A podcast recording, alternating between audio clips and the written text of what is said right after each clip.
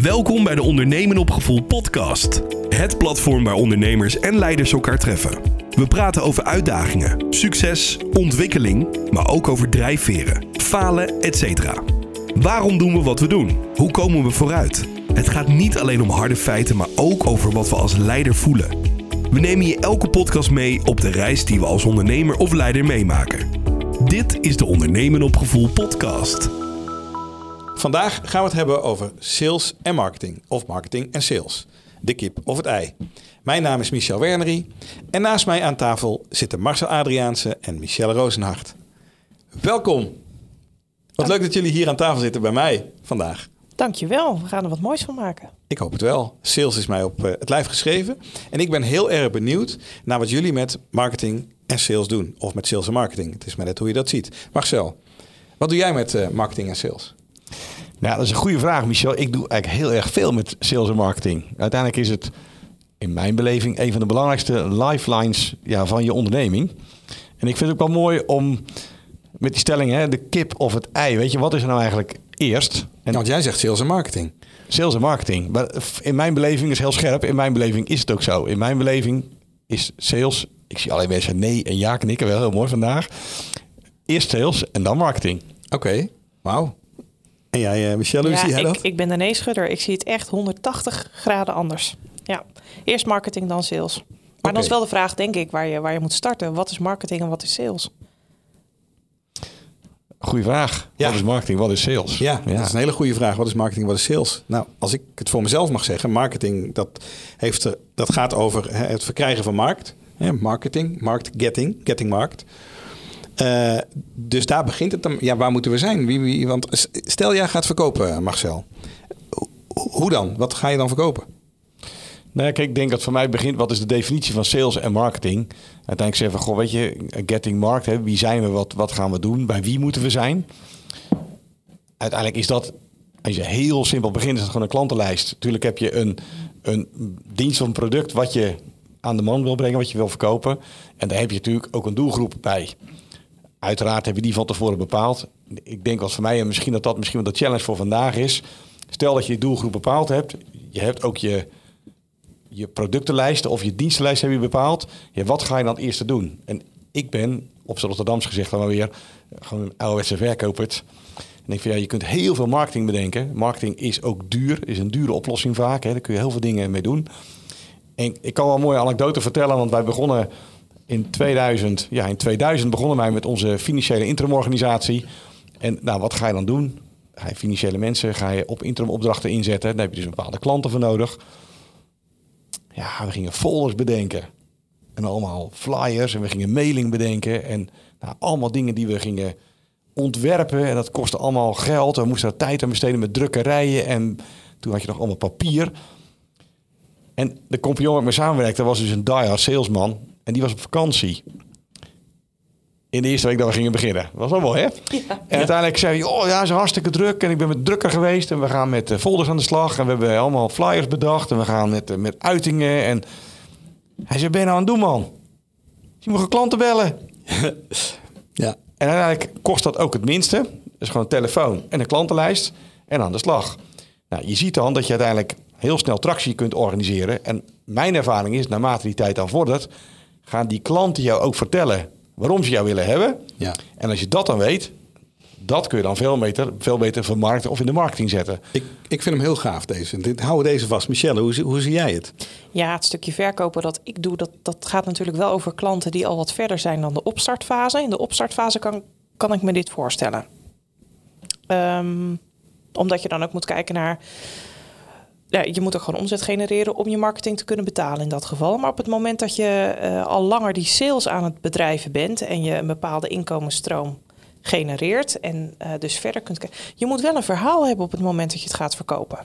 En op het moment dat ik met een klant bezig ben met een, eh, een, een groter verkoopproces, dan verkoop ik niet door alleen maar te verkopen. En dan heb ik het niet over hè, mijn, mijn eigen dienstverlening verkopen, maar de dienstverlening van die klant verkopen aan een, aan een andere partij. En dan is alleen salesbedrijven niet genoeg meer. Misschien dat dat eerder anders was. Maar dan wordt er tegenwoordig wel een goed verhaal onder verondersteld. En is dat er niet, wordt verkopen wel lastig. Zou het ook kunnen zijn dat, we, dat het afhankelijk is van de bedrijfsgrootte? Want als je nu kijkt naar jouw ondernemingen, eh, Marcel, en je kijkt naar wat je daar doet aan marketing en wat je daar doet aan sales, hoe is dan de verhouding?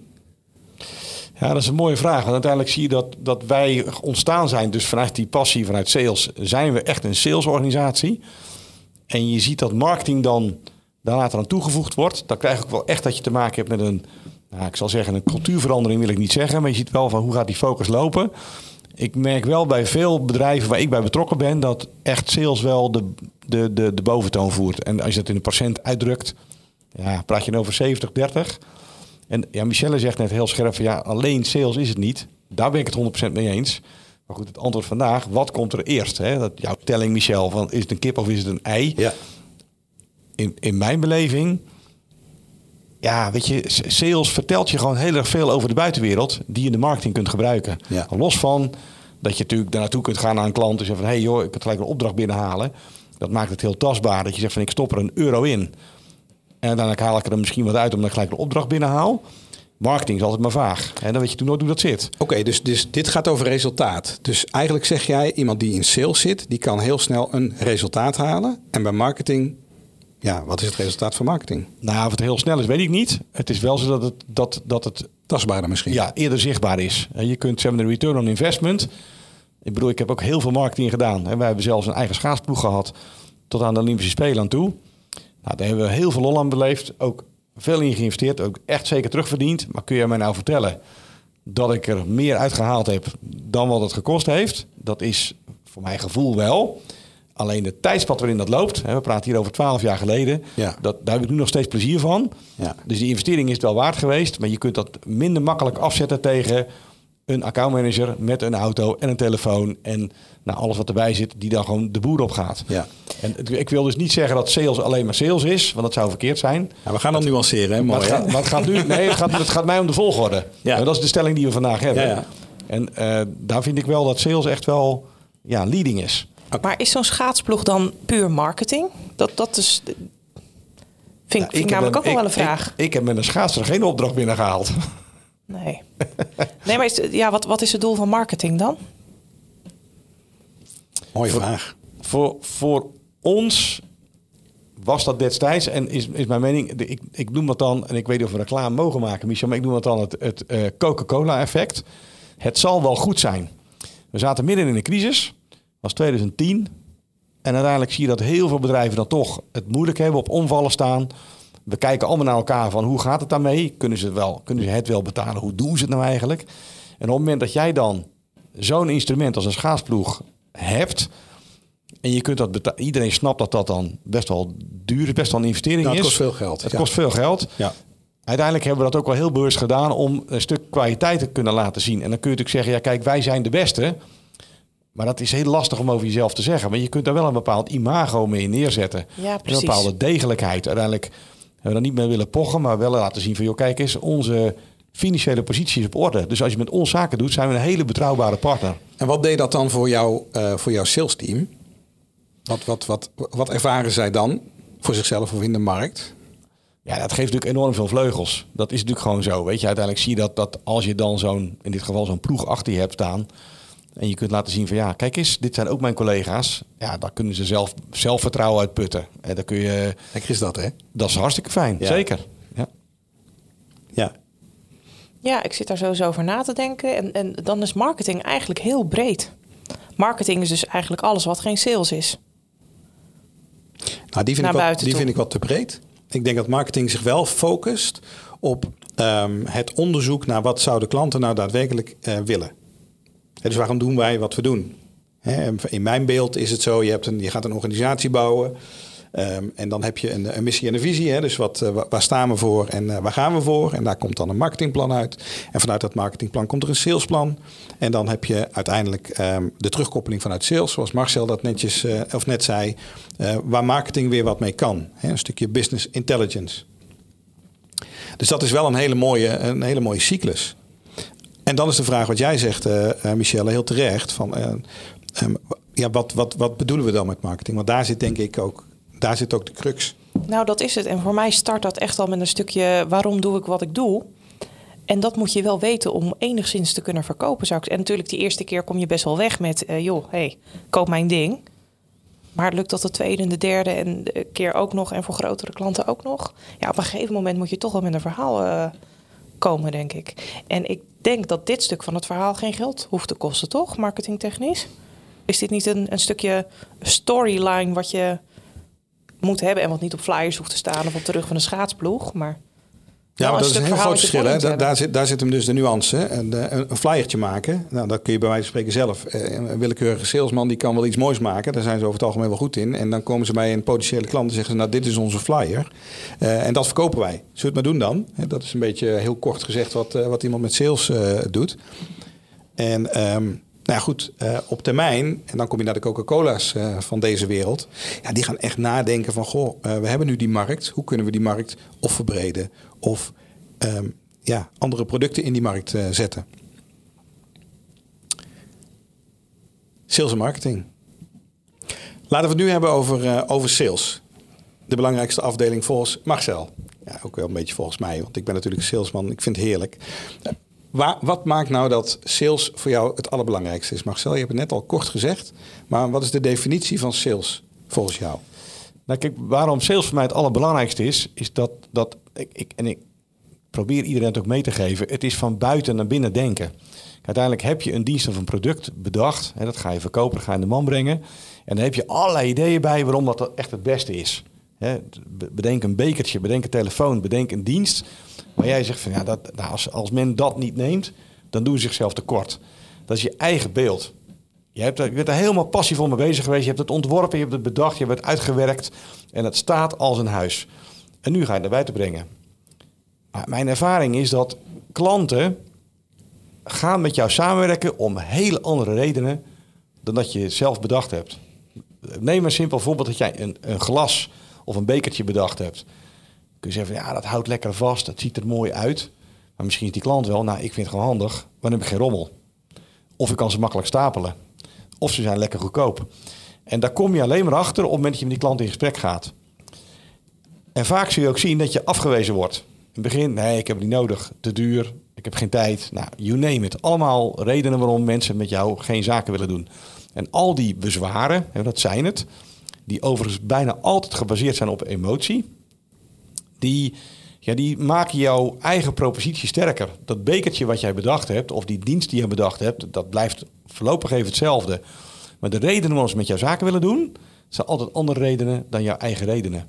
En ja, ik ben ooit begonnen met een bedrijf. Wij deden werving en selectie. En we waren er echt van overtuigd dat wij de beste kandidaten konden leveren. Uiteraard. Tegen de beste prijs. Was ook zo. Dat is 100 procent. Dat vonden wij, dat vinden we nog steeds. En we waren een half jaar bezig en ik was al tig keer afgewezen.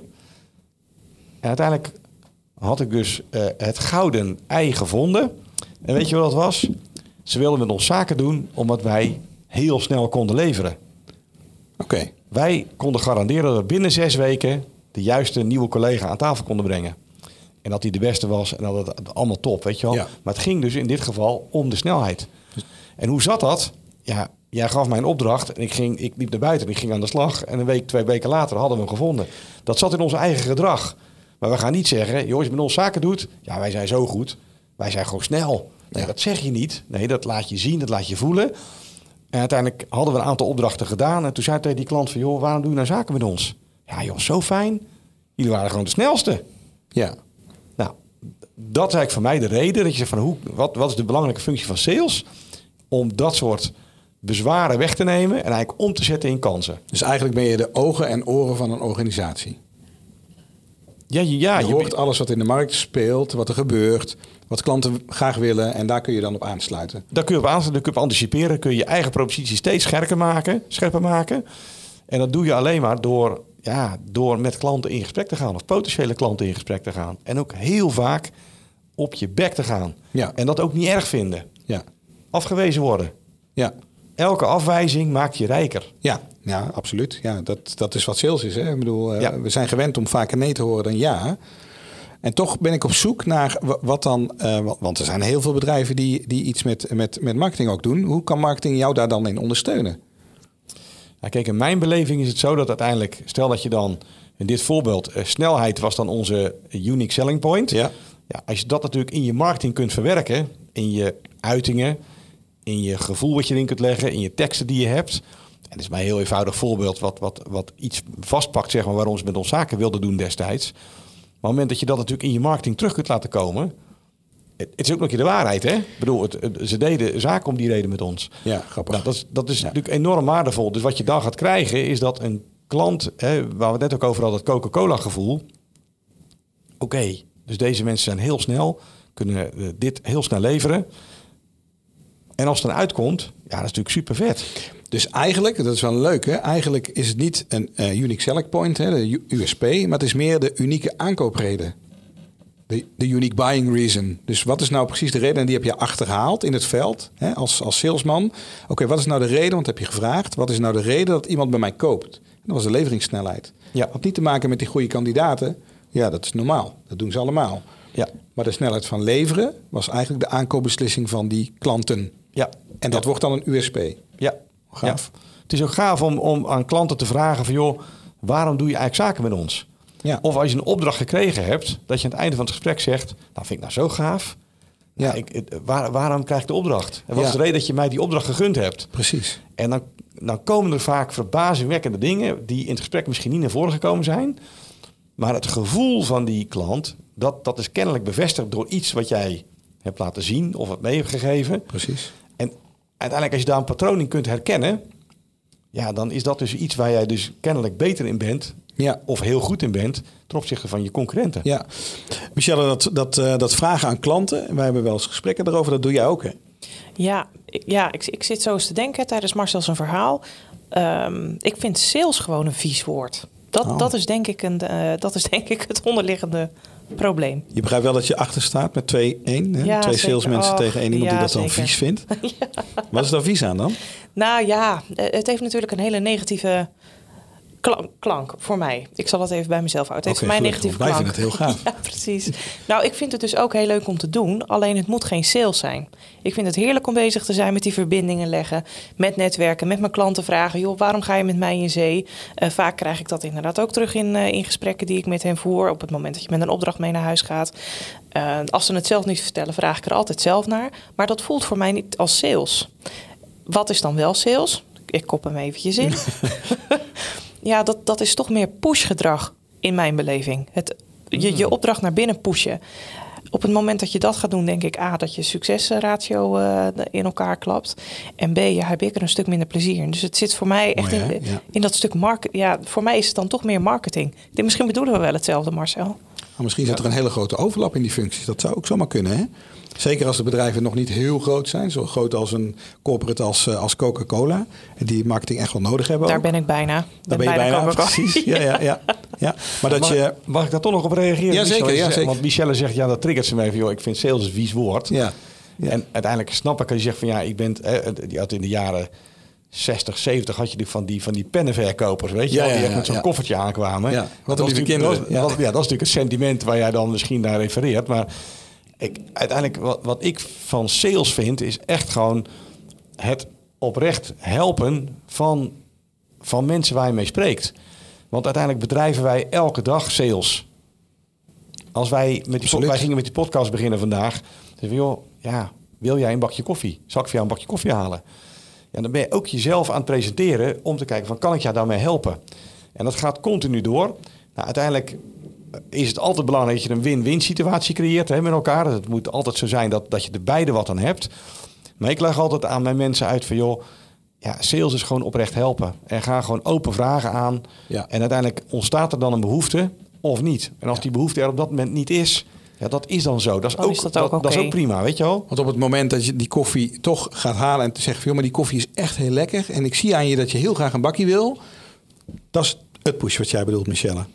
En daar hou je niet van. Ja, maar dat is ook het al gaan vertellen waarom jij per se koffie wilt. Precies. Terwijl ik helemaal nog niet weet of je dat wel wil. Ik Ja. wil jou niet hoeven vertellen Ja. dat jij koffie wil. En hier hebben we mooi, dat is mooi dat dat nu bij elkaar komt. Of je gaat voor de USP's, of je gaat voor de UPR's. Hè, dus de unieke aankoopredenen. Waarom zou je dat dan kopen bij mij? Nou, om deze en die reden. En dan is het in mijn optiek niet meer pusherig. Dus we zijn niet meer pusherig. En dan ben ik toch weer benieuwd. Eh, we hebben het gehad over, eh, over wat is nou eerst? Is dat marketing? Is dat sales? Nou, daar zijn jullie heel duidelijk over. We hebben net heel mooi over, eh, over sales gehad.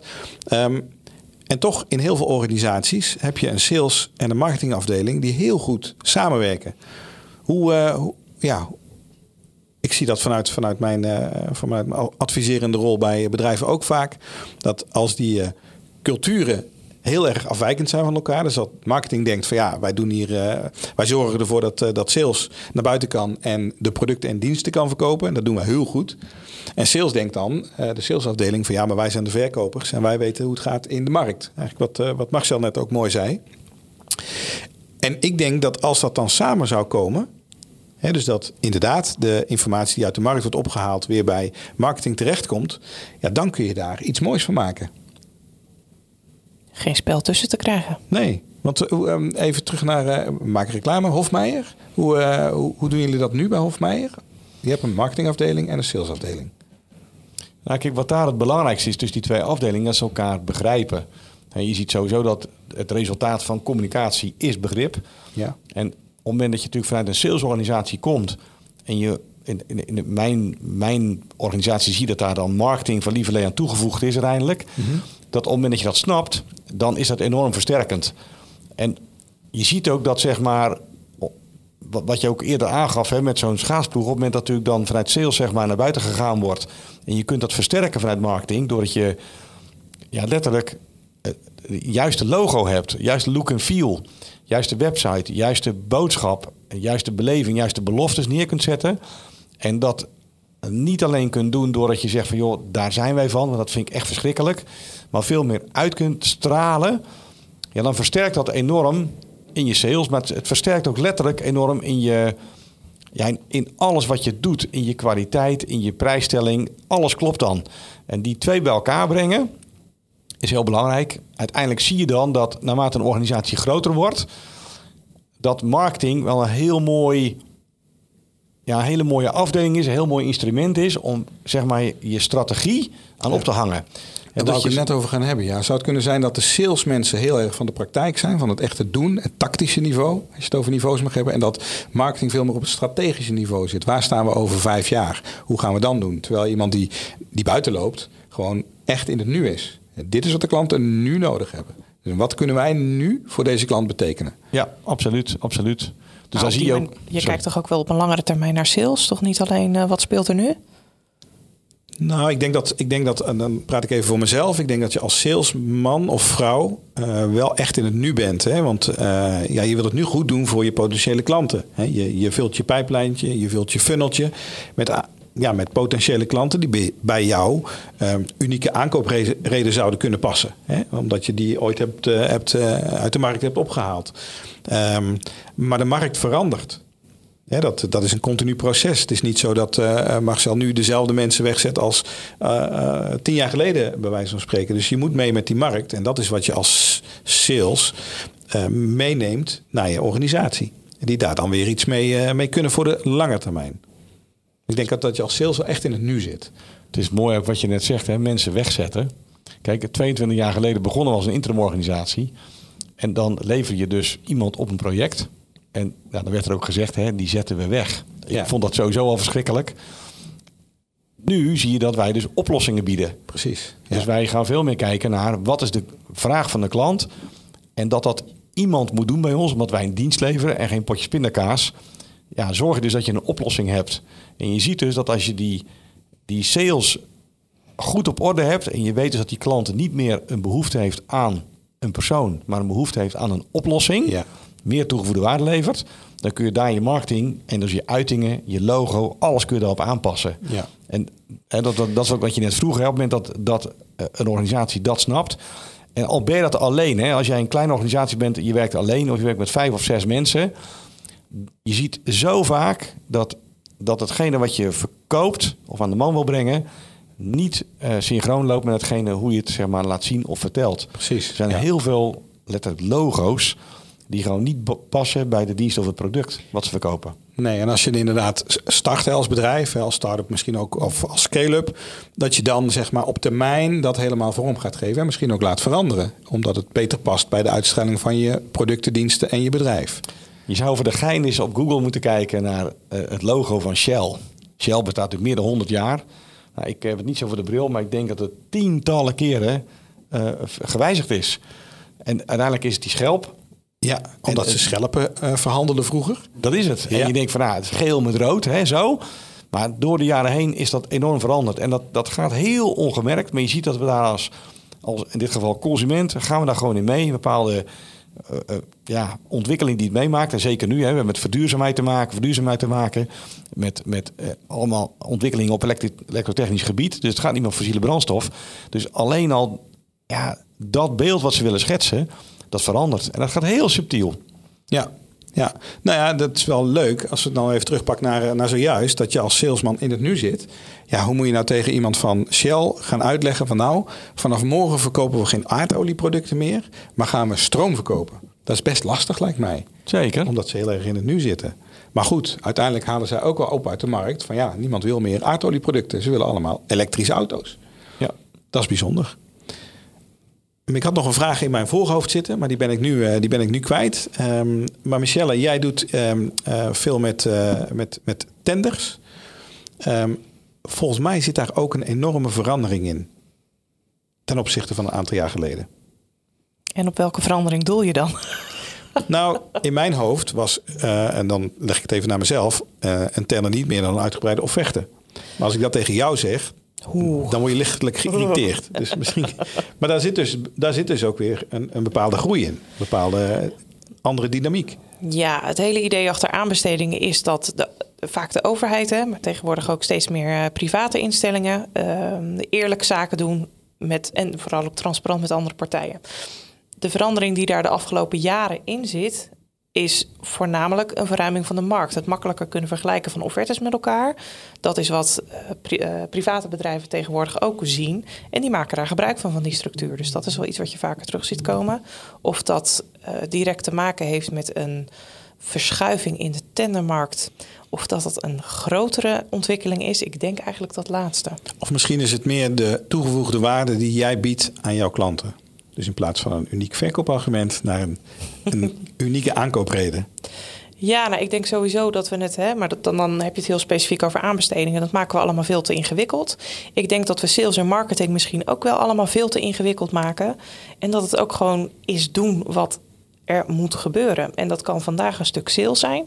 Dat kan in het verlengde daarvan een stuk marketing zijn. En dat kan morgen andersom zijn. Dus wat komt er eerst? Zou dat ook niet per dag verschillen? Je ziet nou, me zoeken, hè? Marcel. Ik denk het niet. nee, ik denk dat ze elkaar nodig hebben. Ik denk dat dat wel het, het, het, resultaat is van dit gesprekje. Ze hebben elkaar nodig. Je begint met verkopen. Daar haal je de informatie uit de markt. Omdat je weet wat je product is. Want anders hoef je geen bedrijf te starten. En je gaat op zoek naar wat is nou daadwerkelijk de reden waarom mensen het kopen bij mij hè, of bij ons bedrijf. En ga je van een USP naar een UBR. Ik zat net nog te bedenken, wat dat zat in mijn hoofd, Marcel. Uh, jouw verhaal over het wegzetten van mensen. Dat het nu veel meer een oplossing bieden is. Dus het gaat veel verder. Eigenlijk kijken achter de reden van uh, waar ze in eerste instantie bij terechtkomen. Dat doet mij denken aan het verhaal van, uh, van Jos Burgers, hè, die boren verkoopt, maar uiteindelijk geen boren meer verkoopt, maar gaten. Dus eigenlijk de oplossing van de boren. En dan zijn de boren niet meer zo interessant, maar gaat het juist om de gaten. Dus wat is het product wat je of de dienst die erachter ligt, wat mensen interesseert? Nou, dat is misschien wel wat er veranderd is. Dat is wat er in de hele markt verandert. Hè? Dat is ook uh, bij Philips het geval geweest. Die verkochten geen uh, uh, lampen meer, maar licht. Ja. Dat is denk ik dezelfde ontwikkeling. Mhm. En die zie je wel steeds meer terugkomen. Daarbij is ook een ontwikkeling dat er steeds meer gekeken wordt in tenders naar wat is nou het verhaal achter jouw product. En als jij zegt dat je duurzaam bent, waar zit dat dan in? En hoe adem je dat? Niet alleen hoe zeg je dat, ja. maar hoe adem je dat? Hoe doe je dat? Hoe weet ik als klant zeker dat jij inderdaad ook over drie jaar nog de meest duurzame partij bent? En dat zit niet meer in het concreet maken van dit is, hè, we hebben nu een wagenpark op allemaal euro 6. Dat zit ook niet meer op, we hebben alleen maar ledverlichting op kantoor, maar dat zit echt in jouw visie op duurzaamheid. En die visie, die moet je dus steeds meer hebben. En ik denk dat visie, en daar komen ze denk ik samen, dat je visie een resultaat is van wat sales ophaalt en wat marketing daarvan maakt. Prachtig. Ik, vind, ik denk dat we er niks meer aan moeten doen, Marcel. Wat vind jij? Ik vind hem helemaal geweldig. Michelle. toch? Top, top, top. Dank u, dank u. Nou, dan ga ik met een heel gerust hart weg, hè, Marcel. Ik hoop jij ook. Zeker, ja, absoluut. Ja, nee, dankjewel. Ik vond het een mooie podcast. En tot de volgende keer. Dit was weer een aflevering van de Ondernemen op Gevoel podcast. Dank voor het luisteren. Ben je geïnspireerd geraakt en wil je meer weten? Check dan onze website ondernemenopgevoel.nl. We hopen natuurlijk dat je de volgende keer weer naar ons komt luisteren.